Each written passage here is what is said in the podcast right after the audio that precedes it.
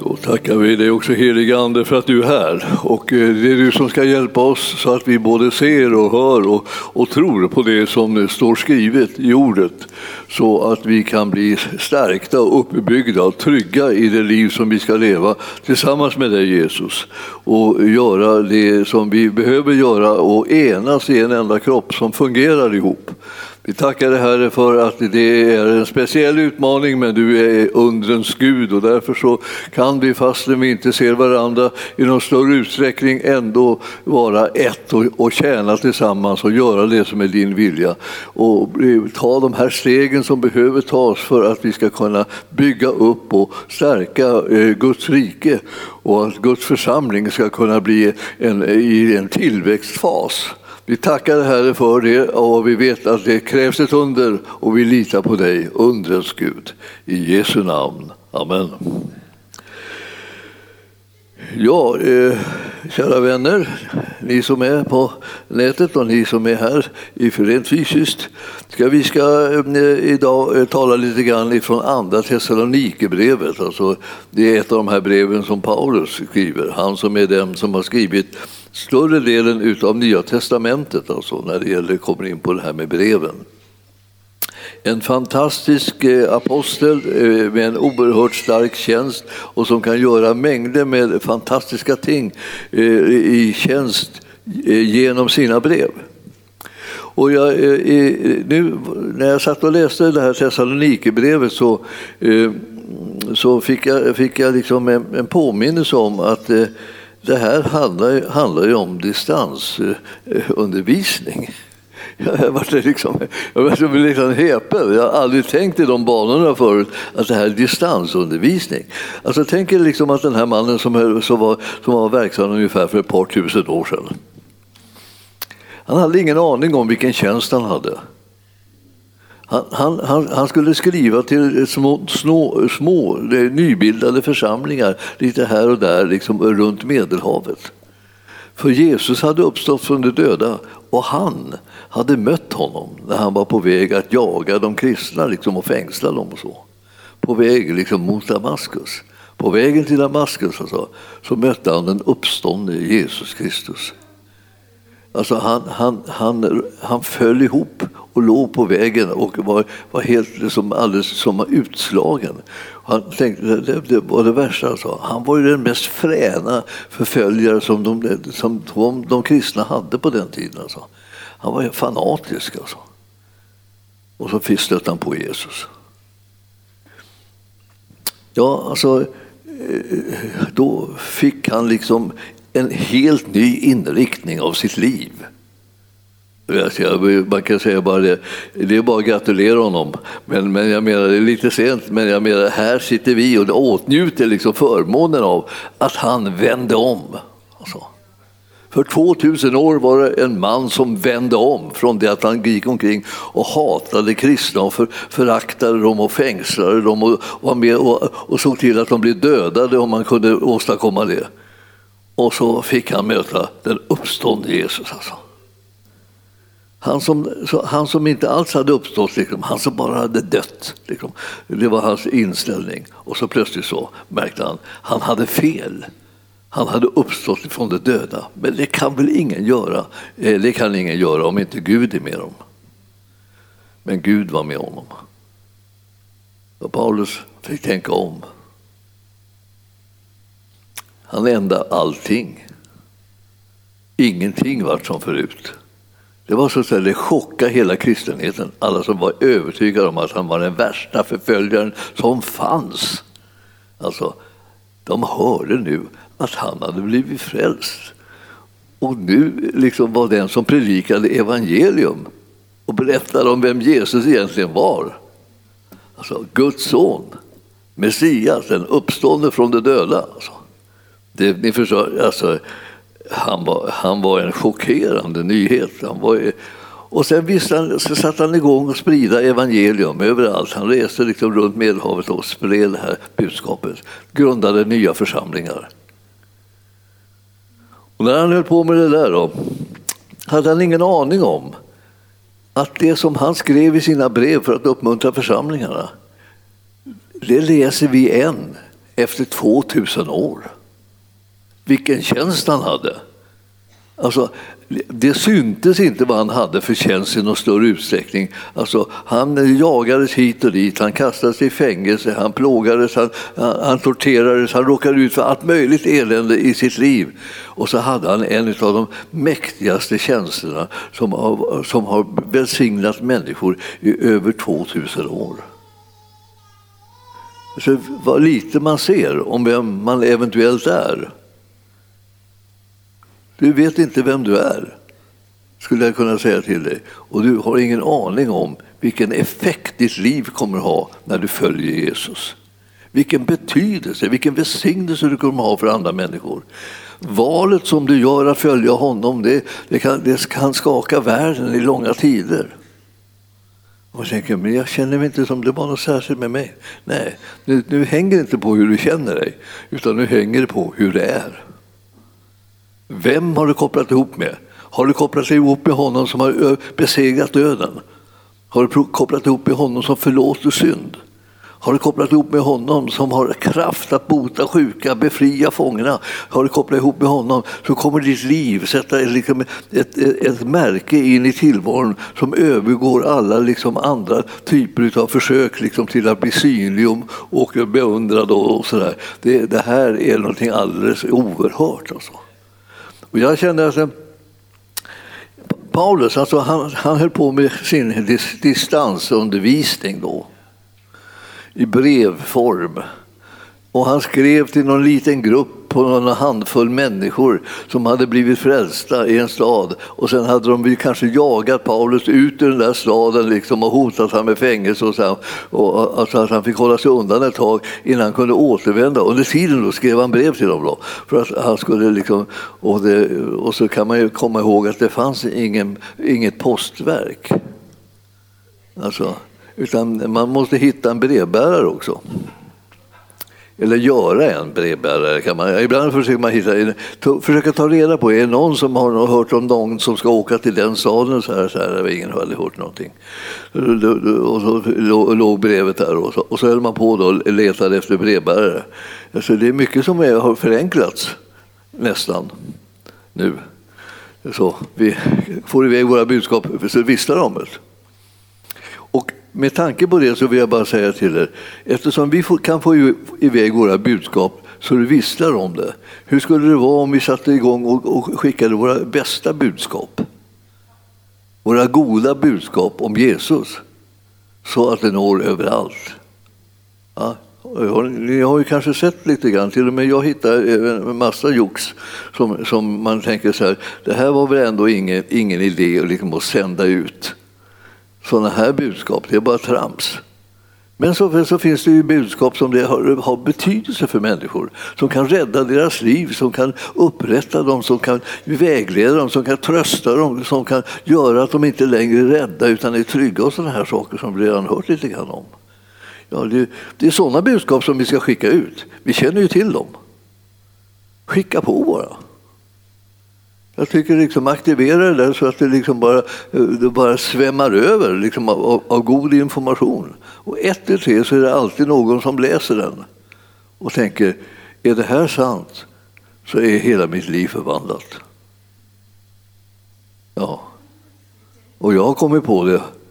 Och du har kanske kommit på det som sitter här och, eller så är på väg att komma på det. Då. Tänkte, vad är det som kan förvandla ens liv?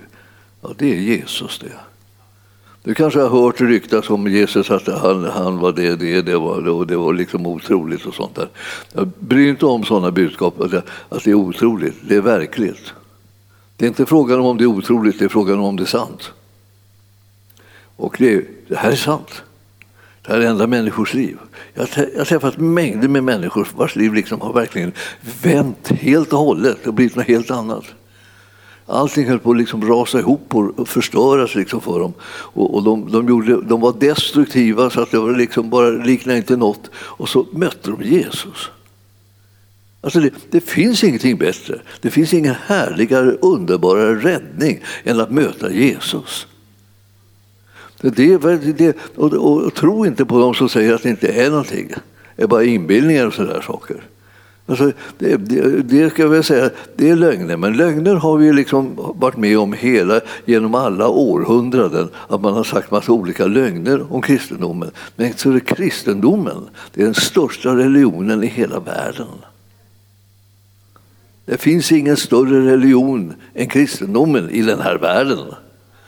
Och då kan man fråga sig, hur kommer det sig? Det kommer sig av att Jesus har uppstått ifrån de döda. Han lever och han älskar människorna och vill göra allt för att rädda dem ut ur det som har tagit dem till fånga i den här tillvaron och, och, och håller på och skrämmer och begränsar dem när de i själva verket skulle ha en öppen himmel och kunna gå ut och göra allt det som Herren talar om i den heliga Andes kraft. Och jag känner vilken, vilken, vilken herre vi har. Alltså. Och så är det då den här Paulus. Då. Han har skrivit det bästa brevet vi hörde om, om Romarbrevet. Bästa brevet i hela Bibeln. Bibeln alltså. Det är så superbra så att det ska läsas och det måste läsas ganska långsamt. Alltså när det är mycket välsignelse så måste man ta lite tid på sig att uppfatta att den är där. För annars missar man den liksom.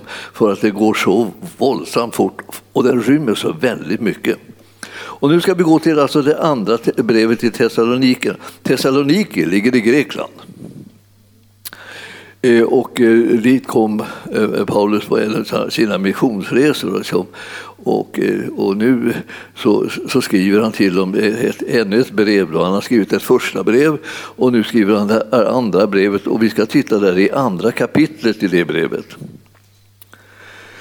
Och, eh, och om du vill, återigen, eh, jag vill tänka mig att några tycker, var, var står detta brev nu då? Ja, dels så finns det ju liksom en, en innehållsförteckning i Bibeln som man kan slå upp. Men annars så kan man ju lära sig att efter det att man, apostlar har, har läst evangelierna i Nya Testamentet kommer apostlagärningarna. Sen kommer breven. Och då kommer breven i ordningen romerska kor gal efter fil, kolla test tim filmon. Och det är förkortningarna som man räknar upp då i ordningen så här. Alltså romerska kor, alltså romarbrevet, korintierbrevet, gal, galaterbrevet, efter efesierbrevet, fil, filipperbrevet alltså. Och sen kommer kolosserbrevet, kolla, test, tim, titt. Ja.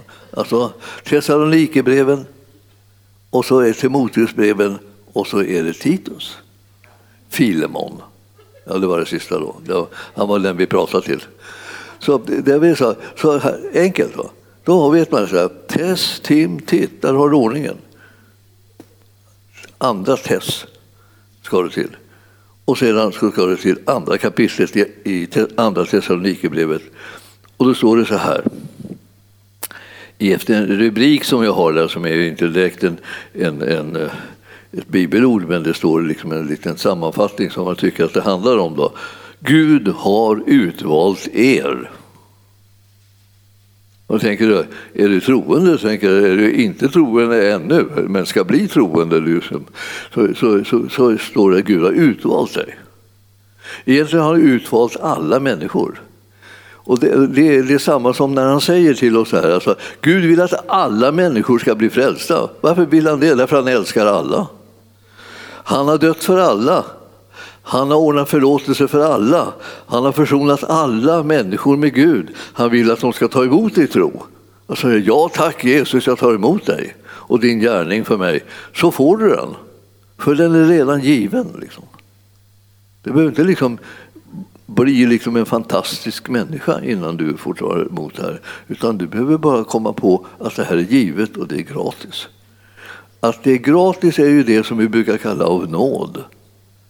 Så det vill säga gratis. Det är, är det en ren nåd så är det gratis, utan motprestation. Alltså.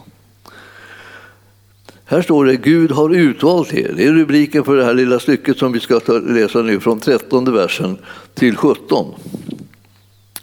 Och jag ska eh, eh, läsa det för er. Alltså.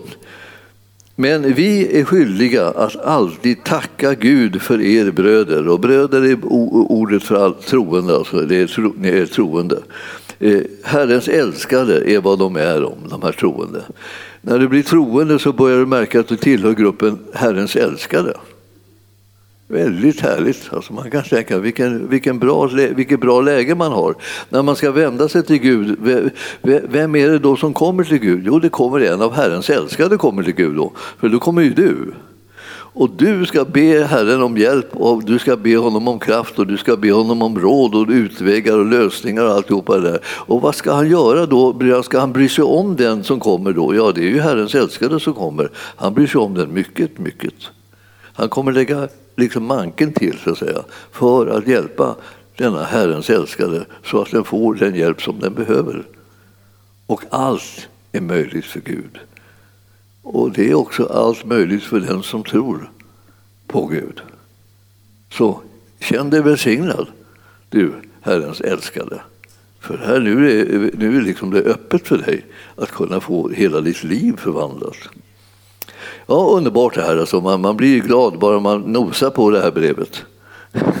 vi ska gå vidare, vi ska se. Alltså, om, om, du inte känner Herren så kan jag bara säga det. Det är bara att säga till Herren Jesus, kom in i mitt hjärta och fräls mig. Han kommer, han frälser. Och du är förlåten och försonad. Så att du kan tillhöra gruppen som vet om att de är älskade av Gud. Gud Gud älskar alla människor innan, de vet om det. Men eh, så fort du tar emot honom så vet du om det. Nu är du en av dem som är älskad av Gud. Nåväl, alltså, det var Herrens älskade. Eftersom Gud från begynnelsen har utvalt er till att bli frälsta, alltså från begynnelsen, det betyder från allra första början har han bestämt att ni ska bli frälsta att vi allihopa ska eh, få den där underbara gåvan att bli räddad, som frälst betyder. Och det ska ske genom att Anden helgar er och ni tror sanningen. Så att det kommer så att säga som en slags konsekvens av det här i frälsningen att vi börjar få ett, ett förvandlat liv. Eh, därför att vi tror på den sanning som frälsningen innebär. Och detta är, eh, det här är det som Gud har kallat er till genom vårt evangelium, säger han, för att ni ska vinna vår Herre Jesu Kristi härlighet. Stå alltså fasta och håll er till de lärdomar som ni har fått muntligt eller genom brev, säger han. Ja, han har ju varit på besök där också. Så att han, och sen, sen skriver han, så att han, men han har samma budskap hela tiden. Och han säger, ta, håll fast i det här nu då. Eh, och slapp, släpp inte taget, för det här är det viktigaste som någonsin har sagts till er. Och ni behöver höra det ordentligt. Må vår Herre Jesus Kristus själv och Gud vår Fader som har älskat oss och i sin nåd gett oss tröst och gott hopp uppmuntra era hjärtan och styrka er till allt gott i ord och gärning. Ser ni vilken målsättning han har med livet? Alltså han tänkte på dig och mig, vi som behöver också en riktig en energispruta liksom kan man säga, av, av, av trygghet, av glädje, av, av lösningar, av utvägar och kraft. Och det har vi när vi lyssnar till vad Jesus Kristus har gjort och vad Paulus undervisar om. Så ska vi gå över till det här tredje kapitlet och läsa några verser där också. Det här med tredje kapitlet, liksom, det är att eh, vad, vad, ska vi nu, vad ska vi göra? Ja, ja nu, nu kommer säger Paulus här, det här med hur vår relation är. Och det kan man säga också, ibland så brukar jag tänka så här, jag är, jag är precis som Paulus tänker jag. Liksom, ja, inte liksom riktigt i den dimensionen, va? Men, men jag har liksom samma liksom längtan, önskan och liksom målsättning. Alltså att jag vill att det, att, att det ska ske vissa saker som han ville också skulle ske i hans eget liv. För övrigt bröder, säger han, ni troende, lyssna nu. Be för oss, alltså han vill ha förbön att Herrens ord snabbt utbreder sig och blir ärat liksom hos er. Han säger, nu måste ni be för oss, vi som håller på och sprider evangelium, att, att det här ska sprida sig, liksom, eh, precis som det har gjort hos er, ut till andra områden också. Och att ni blir räddade ifrån fientliga människor och onda människor. Alla har ju inte tron. Och ibland så är det så att när man inte har tron så blir man som arg när man får höra talas om tron. Då blir man arg. Och då, då blir man arg då, då tänker man så här, jag ska motarbeta det, jag ska hindra det, jag ska stoppa det, jag ska göra förstöra det på något vis. Och så, där. och så sätter man igång och liksom trakasserar och förtalar och smutskastar och så, de som är bärare av evangelium. Ja. Och vad hjälper det? Inte alls. Det hjälper inte smack. De som bär evangelium och håller på att predika ut det, de, de slutar inte för att man håller på att trakassera dem. Det, det är liksom, jag på säga, ibland så tänker jag det, det, det, är som konstig, det finns en konstig utväg. Det enda sättet som gör att de liksom eh, lägger av liksom och lugnar ner sig lite grann, de som sprider evangelium, det är att du tar emot det. Det, liksom, det påminner om den här annonsen, fast jag vill inte säga att det är helt eh, likadant, men det är nästan likadant. Någonting som heter Ahlgrens bilar. Hur ska man få stopp på Ahlgrens bilar? Det, det är ju ett, ett godis liksom. Ja, man, det, man kan, måste stoppa det i munnen. Och, och det är det enda sättet man får slut på det. Liksom. Och, och det, det, det liknar liksom lite grann. Lite grann alltså. Ni får, får ursäkta, liksom, själva bilden är ju, eh, eh, verkar liksom lite eh, ja, enkel då. Och så. Men man måste ta emot det. Om du tar emot evangelium så lugnar det ner sig. Då blir det liksom eh, eh, någonting som du så småningom tycker är en väldigt härlig, härlig upplevelse. En fantastisk utrustning. Någonting som du sätter så mycket värde på. Och du, du vill ha mer och mer och mer och mer. Och så. Ja. På det sättet liknar den här liksom, godisupplevelsen. Då, då. Ja, det där var bara för att ni skulle förstå budskapet bättre, men jag vet inte om ni gjorde det eller bara kom att tänka på godis. Jag hoppas att ni liksom, eh, eh, liksom kom lite längre än att ni bara tänker på de här bilarna. Det var inte någon reklam för, för dem egentligen, liksom. det var bara liksom metoden. Det var väldigt bra. Alltså. Man ska stoppa i sig det. Så fort du hör talas om evangelium, ta emot det, svälj det, ta, gör det till ditt, bli ett med det och sträck det efter mera, efter mera, efter mera. Det, det som vi, så, så upplever vi att evangelium ska vara verksamt ibland oss också. Då, då eh, ja, eh, eh, Jag jag på säga, vad, var jag? Eller, jag? Eller, Just det. det var det här sättet liksom att få slut på liksom eh, den här kötsliga reaktionen som kommer av, av att ondskan liksom sätter igång och reser sig upp igen när man får höra evangelium. Därför att man, är, eh, man har stått i liksom ett fiendeläger och nu måste man byta plats. Och det, för många så blir det liksom, man känner sig upprorisk över att man ska behöva ändra sig och byta plats. Man tycker inte om att vara en som liksom har haft fel. Man tycker jag har väl haft rätt hela mitt liv. Jag, jag, liksom, det är jag, mina åsikter som har varit de rätta. Det är mina liksom, uppenbarelser liksom, eller klarheter. Det är det som har varit det gällande. Och så, där. och så plötsligt så måste jag ändra på mig. Ja, alltså när du möter evangelium så är det bara en sak att göra. Det är att ta emot det. Ändra på det. Självklart att du ändrar på det. Det har vi gjort allihop. Det är ingen som dog av det. Tvärtom blev vi levande. Det blev, som, det blev en helt annan sak det här, som en härlighet och en glädje och en trygghet att få ha tagit emot evangelium. Vi har fått lära känna den levande Gudens son. Och han har liksom börjat ha livsgemenskap med oss. Och det gör det att vi ser möjligheterna i livet och kraften i livet och glädjen i livet. Och vi känner oss övertygade om att nu är vi älskade av Gud. Det finns ingen större kärlek någonstans i världen än den att vara älskad av Gud. Och vi har blivit det, vi som har sagt ja tack till det här som Jesus kommer med, det, det han har gjort. Alltså. Alla kan bli frälsta. All, Gud vill att alla ska bli frälsta. Det spelar ingen roll hur han analyserar, än analyserar det så tänker han inte ändra sig. Han vill fortfarande att du ska bli frälst. Ingen har blivit så tjusigt liksom, när man analyserar så tänker jag att du slipper, för du är ju perfekt som du är. Ingen sån finns. Alla behöver frälsningen. Han har inte missbedömt situationen. Han vet du behöver den. Du behöver bli räddad. Du kommer bli så trygg och du kommer bli så förvandlad och du kommer bli så uppfylld och liksom av den kärlek som Herren vill ge dig så att du tänker jag byter aldrig tillbaka det här. Det här var det bästa som har hänt mig. Ja, det är det faktiskt. Det är det bästa som har hänt mig. Eh, och det är säkerligen så för många av er som har tagit emot Jesus har upptäckt att det här var ju, jag, jag ändrar mig aldrig. Aldrig i livet. Och så.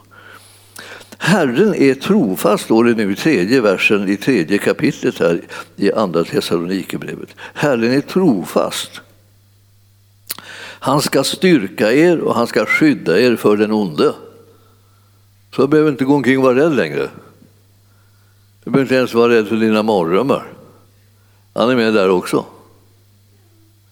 Han är om inte gör djävulens gärningar. Han försöker skrämma dig och göra att du inte kan sova eller inte vågar somna eller, eller om du har andra sådana här typer av problem. Han är, han är ju den som kan vara med överallt och ta itu med vad som helst. Och I Herren så, så, har vi det förtroendet för er att ni gör och kommer att göra det vi föreskriver er, säger Paulus till dem. Ja, det är, så här, det är ungefär som jag tänker nu. Nu har jag pratat till dig en liten stund om evangelium och så.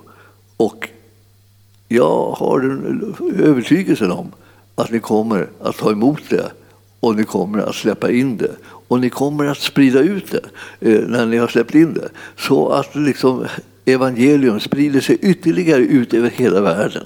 Det ska vara känt att Gud är god och han älskar alla människor.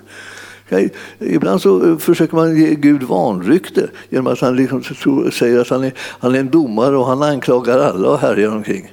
Eh, det gör han inte alls, därför att anklagelsen har redan gått över Jesus och han dog i vårt ställe och han uppstod för vår rättfärdiggörelses skull. Och det betyder för att vi skulle bli godkända utav Gud så att det inte längre finns någon anklagelse riktad mot oss om vi tar emot den försoning som Jesus har eh, genomfört på Golgata kors.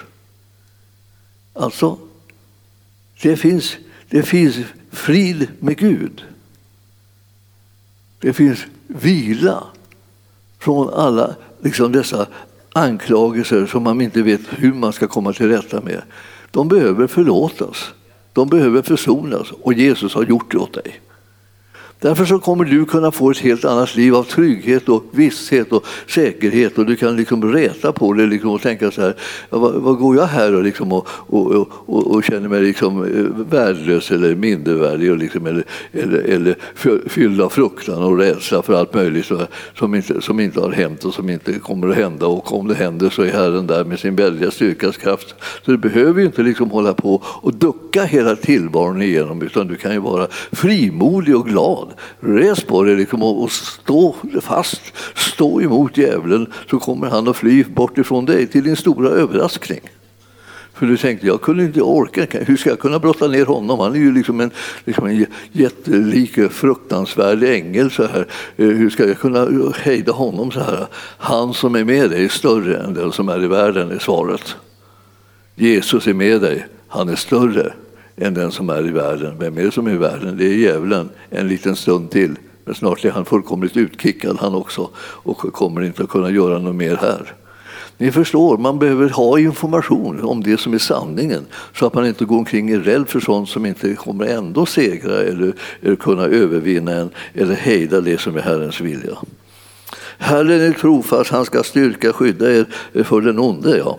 Och i Herren har vi det, det förtroendet för er att eh, ni gör och kommer att göra det som vi föreskriver er. Det vill säga att ni följer råd som ni får från era, eh, era ledare och de som Herren har gett er till att tjäna er.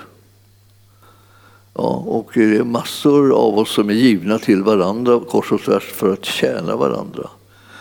Och jag är given till församlingen för att tjäna församlingen.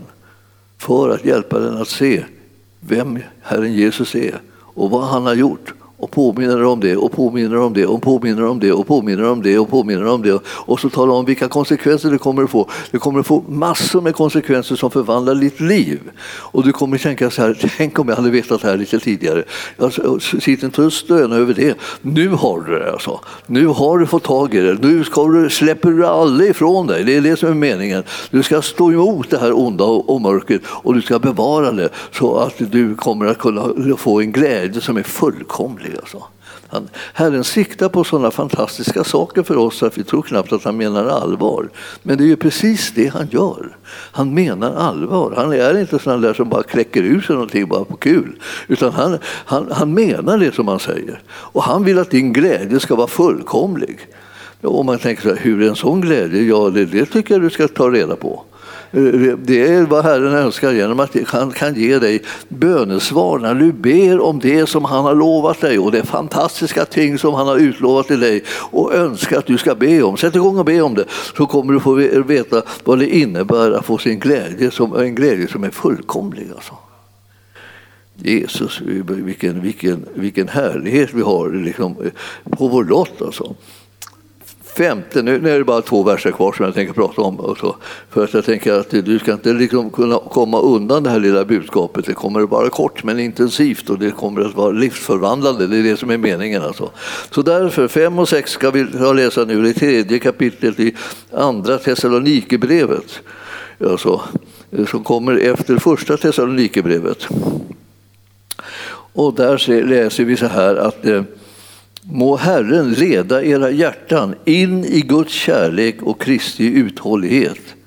Bröder, vi uppmanar er i vår Herre Jesu Kristi namn att hålla er borta från varje broder som lever oordentligt och inte följer den lärdomar som de har fått av oss. Alltså han, han har en tillförsikt om att, alltså, att vad han har predikat, har predikat det har han predikat så, så att säga, som har varit den äkta läran, alltså den äkta undervisningen, den sanna budskapet som kommer att göra skillnad i ditt och mitt liv, som kommer att ge oss trygghet och kraft och glädje och, och ge oss möjligheter att de inte gör alla djävulens gärningar. Det är det. Sjukdomar, ja, det är sånt där som vi ägnar oss åt att stå emot.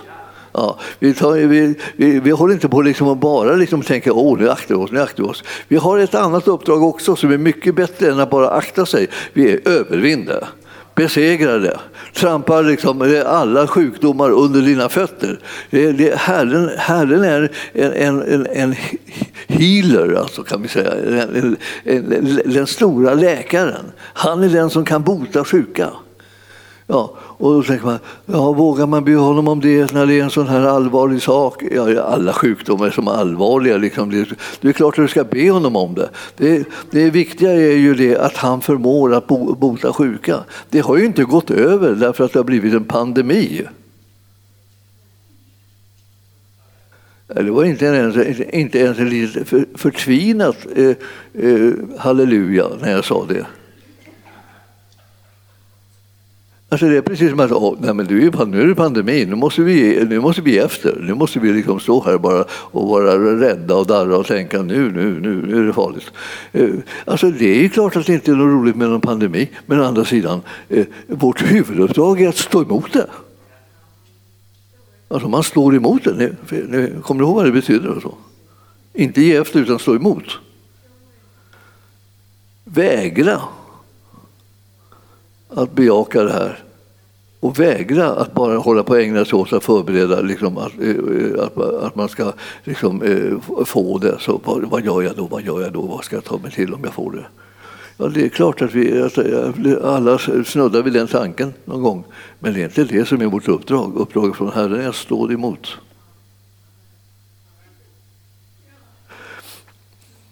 När jag var ung präst i Lutherska kyrkan då blev jag inkallad till ärkebiskopen. För de sa att jag hade sagt och lovat människor att de kunde bli helade från sjukdomar.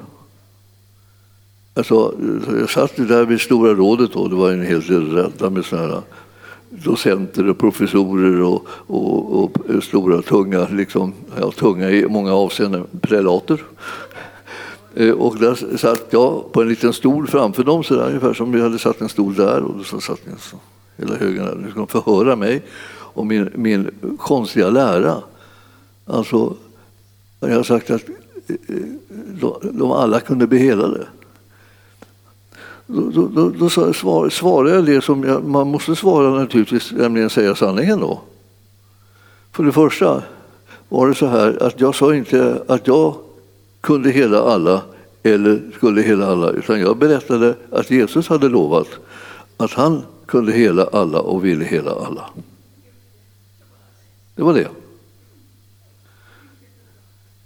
Då, då, då, började de, då, då vred de på sig lite konstigt så här och tyckte att de hade liksom tappat greppet. Och det hade de. Men jag sa ingenting för att jag tänkte att det får, det får, det får klarna så småningom för dem själva. Men ni förstår, Eh, man trodde liksom att det, att det var liksom något påhitt från en liten, en, en liten kommunisterpräst så att säga, eh, som här i Kungsängens och Västra Ryds eh, pastorat. Att han hade hittat på liksom att, det, att alla skulle kunna få bli helade. Det har ingen liten präst hittat på, utan det är bara Jesus som har sagt det. Genom mina sår har ni blivit helade. Liksom, saken är redan klar. Det är vad han har sagt. Alltså. Och vad han har sagt, det kan man hålla sig till. Vad en liten präst kläcker ur sig, det kan man inte hålla sig till, för det, det vet man ju inte. Liksom. Det beror ju på vilken källa han har. Många präster kläcker ur sig massa saker, det ska man absolut inte hålla sig till. Man ska hålla sig till de sanningar som är från Jesus och står skrivet. Och därför så är det så här att du och jag har anledning att vara frimodiga med vår bekännelse. Att honom, hon som vi tror på, han har lovat att bota de sjuka befria de fångna, upprätta människor. Han har lovat att de som tror på honom ska ha evigt liv och himlens port kommer att vara öppen för dem.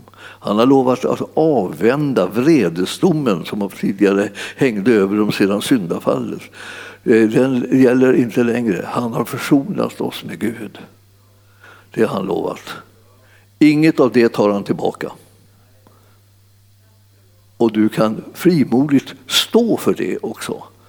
Så du inte bara håller på liksom och försöker eh, gardera dig mot att eh, eh, inget ska bli som, så att säga, inget kommer att bli utav det som Jesus lovar, men allt annat kommer, som djävulen lovar, det kommer att fortsätta bli. Det, du ska inte, liksom, inte bygga upp ditt liv på, på fruktan, du ska bygga upp ditt liv på tro. Jag vill bara liksom påminna om det, det fortfarande gäller. Alltså. Det är tro som gäller, inte fruktan. Och eh, vi tänker att ja, men man måste väl ändå rätta sig. Ja, man tar hänsyn för, för att, att det inte liksom blir någon, bara någon extra farlig, riskabel smittbärare och sådär. Och man försöker hålla lite avstånd och man gör sådana där saker. Och man tvättar sina händer och vad det är för någonting som man får höra varenda dag och dagarna är i ända. Om man liksom lyssnar på tv så är det bara sådana här informationer hela tiden. Men liksom, jag vill komma med den här andra informationen som egentligen är huvudinformationen in i ditt liv som Paulus förmedlar och som Jesus har förmedlat. Och det är nämligen det att dödens makt är bruten. Sjukdomens makt är över. Jesus har vunnit seger. Han botar de sjuka, han befriar de fångna, han upprättar människor som är nedslagna. Och de som är rädda, de tröstar han och eh, hjälper så att de inte behöver leva ett liv liksom bara de springer omkring och gömmer sig och, och hukar och eh, är livrädda för allt mellan himmel och jord. Vi har en Gud som har sänt sin son som har frälst folk sådana här som du och jag och många fler. De kan bli frälsta. De kan bli räddade, de kan bli hjälpta. Det är, det är inte farligt att bli hjälpt av Jesus. Det är det som är räddningen. Så det där säger jag inte för att du ska göra någonting annat än att tro på honom. Det är därför som jag säger det här. Ditt och mitt uppdrag är att tro på honom och hans gärning. Inte, inte någonting annat. Du behöver inte ta en massa kliv i, i liksom övermod. Du känner att du har ingen täckning för det, så du, men du hoppar ut ändå liksom och, och, liksom, och ger dig på oförståndiga ting så att du, du blir smittad eller skadad eller andra blir det. Det är inte kallelsen. Kallelsen är att tro på det Jesus har gjort. Så här, eh, när vi nu håller på med det här och, och tänker att ja, det, det, det, är Herren som har gjort alla de här sakerna. Och då står det liksom, alltså, och återigen, alltså, må Herren leda era hjärtan i Guds kärlek och Kristi uthållighet. För vi behöver ha en uthållighet som gör att, att vi kan tro på och hala in så att säga, i den här tiden som vi lever eh, den rättigheten att kunna få samlas återigen eh, fullkomligt mangrant i Guds församling. Och min förhoppning är att vi ska ha nått många av er som är där på nätet som, som egentligen vet nu liksom att den här församlingen finns och vet vad vi tror på och vet vem vi tror på och du vill ha del av det och livet också, att du också ska kunna komma. Så att en dag kommer vi liksom kunna fylla upp den här salen eh, liksom så, att det sitter, så att den bångnar. Alltså, eh, och vi kan få se våra syskon igen. Då och då får vi se ett annat syskon som vi inte har sett på jättelänge, men de flesta är ju frånvarande här i, i salen. Men jag hoppas verkligen alltså, och vid Gud, att ni sitter där i alla fall på, på det. För det är min uppmaning till er. Ni ska vara trofasta i att sitta där och delta i mötena via nätet om ni inte känner att ni kan gå hit. För eh, snart så kommer ni ha eh, möjlighet att den tid som ni har vikt nu för att lyssna på de här och vara med i mötena eh, via nätet, den ska ni kunna använda för att vara med här i mötet så att vi får möta varandra. Jag har börjat tänka på att vi ska ha en riktig fest när det liksom, tillståndet liksom blir förvandlat och vi, och vi får rättigheter att mötas igen, hela församlingen på en gång. Då ska vi se till att vi förbereder det så att alla kommer Ingen drar sig undan utan alla kommer och så ska vi ha en jubelfest därför att segern är vunnen alltså. och alla djävulens gärningar har gått om intet. Och det, är det, det är det vi ser fram emot. Men, men ni förstår, under tiden så är vi de som tror.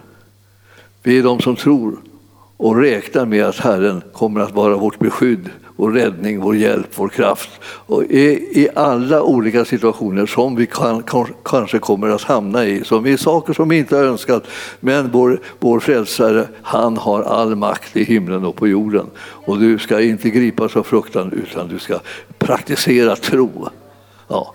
Så eh, var frimodiga och var tacksamma till Herren. Och så läs gärna de här orden och så kom ihåg, be för varandra men be också för oss som, som står i, i ledning för församlingen. För vi behöver vara eh, liksom också i, i, form hela tiden så att vi kan göra vår tjänst, att hålla tron uppe och eh, liksom proklamera den seger som Jesus har vunnit så att vi inte har en församling som håller på att tappa modet utan några som är frimodiga och trosvissa och som kan göra det som är Herrens vilja i varje situation därför att de är ledda av Herrens ande och av Guds ord.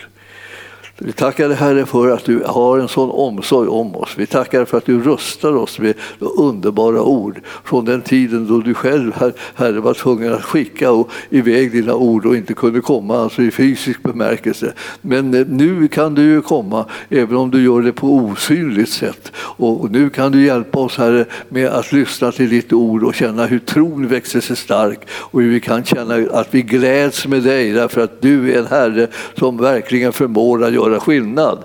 Prisa dig Herre för att din läkedom och helande ska sprida sig i hela landet bland alla, alla människor här i det här landet så de ska få märka att du Herre har makt att hela och befria människor. Tack också för att du griper in över alla delar ut över världen där, där människor lider och prövas och, och känner eh, olika typer av påfrestningar som har kommit över deras liv. Och vi tänker särskilt på alla våra missionsförsamlingar uh, ute ut över världen och vi ber Herre, hjälp dem, stärk dem, eh, uppbygg dem Herre och grip in med underbara helanden där människor har blivit sjuka eh, eh, under den här pandemin. Jag tackar dig Herre för det och vi bara proklamerar att det är du som har makten, det är ditt i herraväldet och vi bara älskar dig Jesus och vi ska följa dig och tjäna dig i alla våra livsdagar.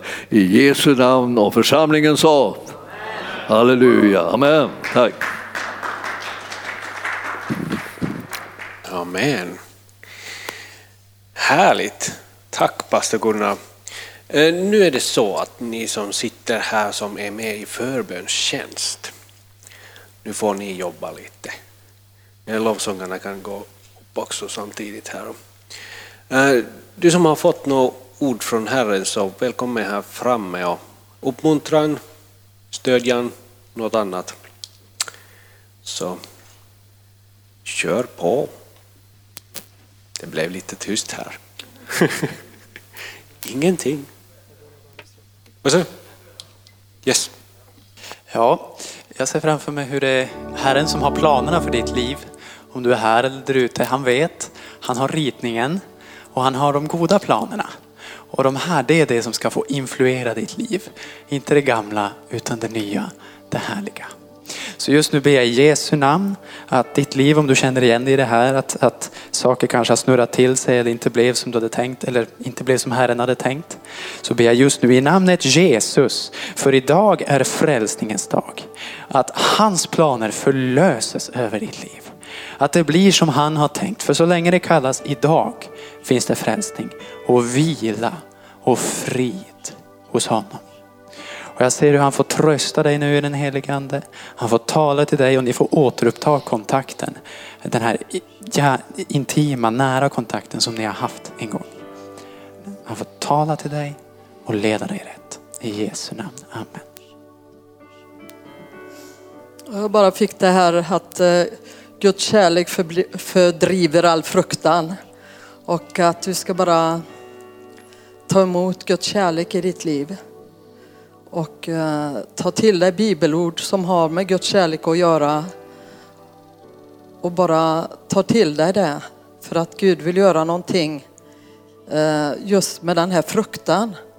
Han vill fördriva den och det gör han med sin kärlek. Så jag ska bara be för dig. Jag bara tackar dig Jesus. Du ser de människorna som känner av fruktan i sitt liv och känner att, att eh, de har fastnat i olika tankebyggnader. Jag bryter de här tankebyggnaderna av fruktan. Fruktan för corona, precis som pastor Gunnar pratade om. Att du kan sitta fast i fruktan för den här sjukdomen. Och att Gud han vill ge dig Guds ord istället för nyheterna på tvn. Och jag bara ber för dig just nu. Jag bara tackar dig Jesus för att du bara kommer med din kraft och lyfter av den här fruktan fruktan att bli sjuk, fruktan att, att, eh, att det alltid ska vara så här. Och jag bryter den här fruktan, jag bryter fruktans makt, sjukdomens makt över ditt liv. Och jag bara tackar dig Jesus för att ditt ord ska bli starkare och eh, det du säger i ditt ord ska bli tydligare. Och att det ska bli, eh, att sanningen kommer sätta dig fri på det här området. Så att du ser att Gud är mäktig att beskydda dig.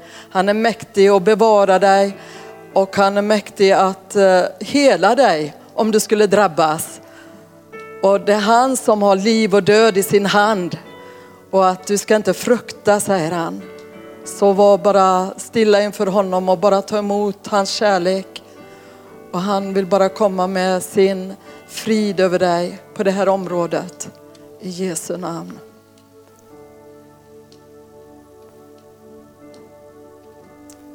Tack Jesus. Och jag bara säger att du finns som undrar om Jesus är verklig. Eh, och jag vill bara säga till dig att han är verklig. Han föddes av jungfru Maria. Och han vandrade på jorden. Han var en verklig människa, 100% människa, 100% Gud. Och jag tackar dig Jesus att du kom i köttet för att uppenbara Guds härlighet för oss.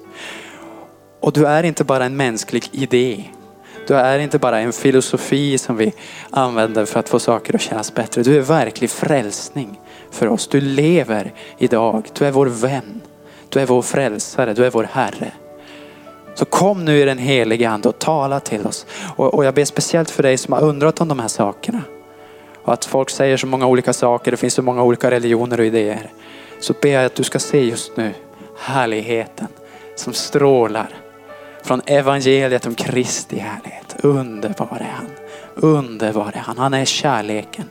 Han är vägen. Han är sanningen. Han är livet.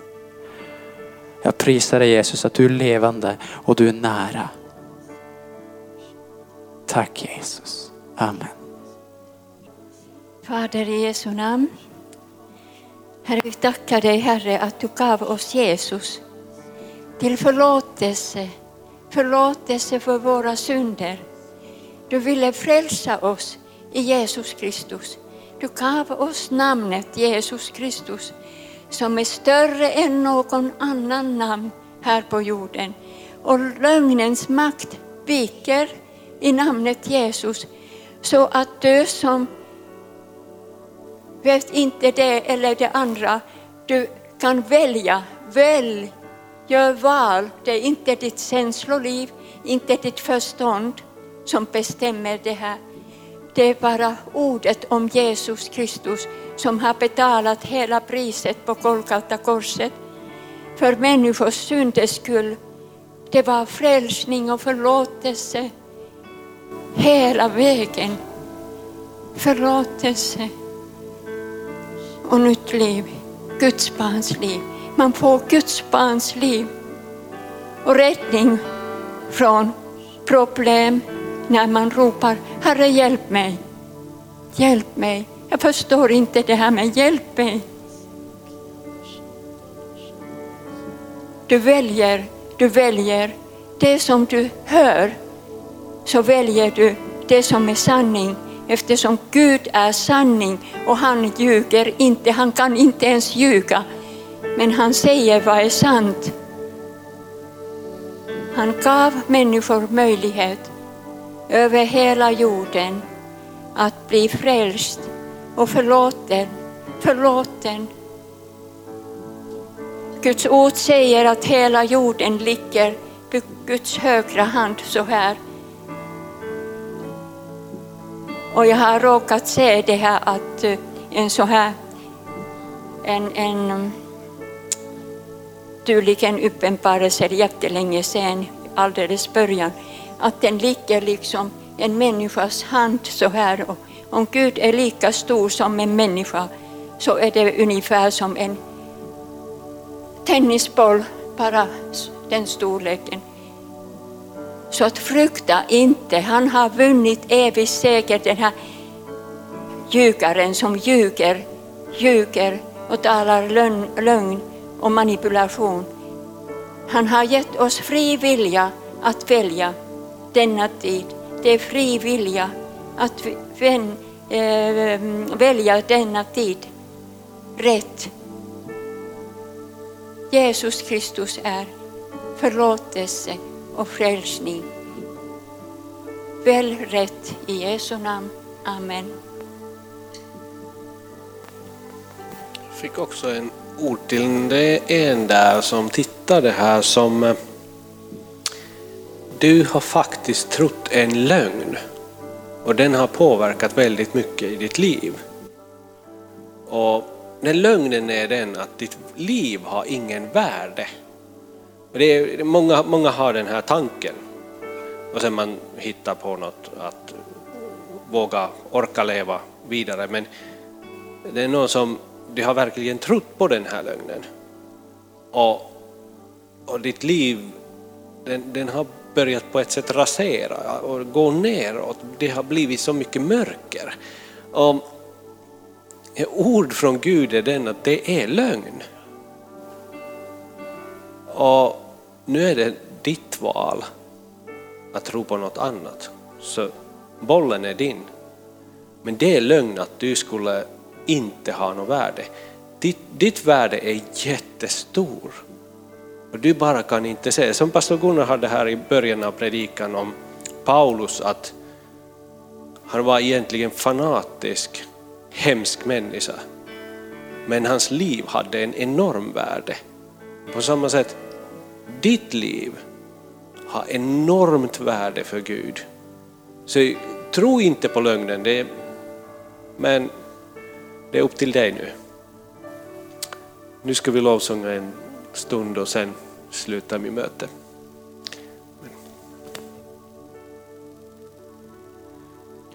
Jesus, du förtjänar allt.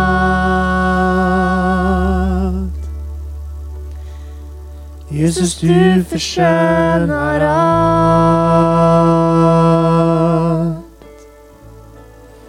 För du har skapat allt och allt är skapat för att du ska få all ära.